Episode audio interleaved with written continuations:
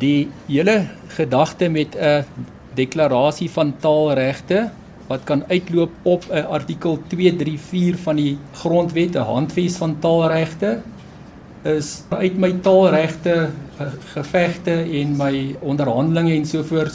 Volgens Lourens is Suid-Afrikaners deur die bank nie bewus van hulle moedertaalregte nie. Hulle taal is amptelik. Almal wil amptelike taal hê, maar hulle weet nie wat die inhoud en die betekenis is nie.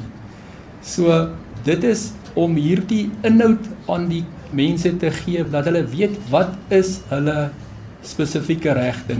Hy sê die konsep moet inklusief wees en is nie net van toepassing op Afrikaans sprekendes nie. Dit moet 'n Suid-Afrikaanse gedagte en wat my betref eintlik 'n Suider-Afrikaanse gedagte dat dit ook uiteindelik 'n 'n 'n Suid-Afrikaanse produk vir die wêreld sal wees dat die mense hulle taalregte sal ken. Volgens hom sal daar altyd verskille wees in die opstel van so 'n dokument, maar moet hier 'n ruimte geskep word deur alle Suid-Afrikaners om van mekaar te verskil in 'n poging om landsburgers bewus te maak van hulle taalregte en as basis waarop 'n amptelike verklaring van taalregte gebou kan word, het Lourens 'n konsep geskep wat die regte uiteensit. Die gespreksfasiliteerder, Iver Price, het die konsepverklaring voorgeles. Die noodsaak bestaan verduidelik gepresiseerde taalregte wat bevatlik en maklik toeganklik is want die va bepalingsinterpretasie kan nie oorgelaat word aan die diskresie van amptenare nie. Ons besef dat persone gelyk behandel moet word en nie tale nie omdat amptelike tale slegs gelyke aansien geniet en billik behandel moet word.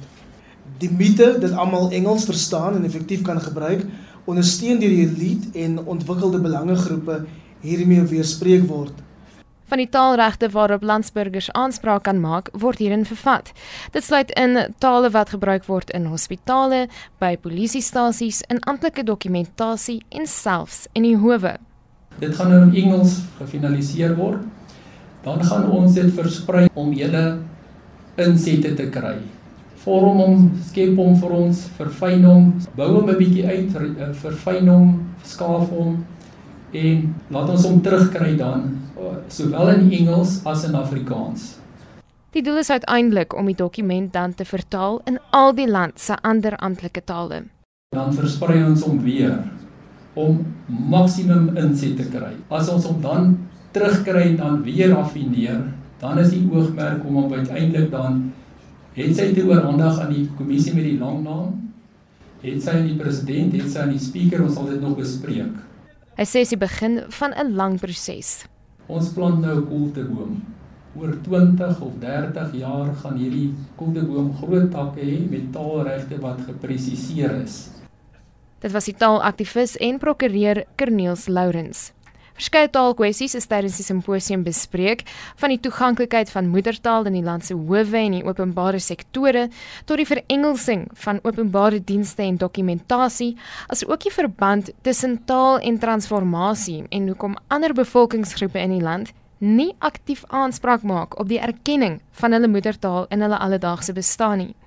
Hierdie kwessies word in die komende week in diepte op monitor bespreek.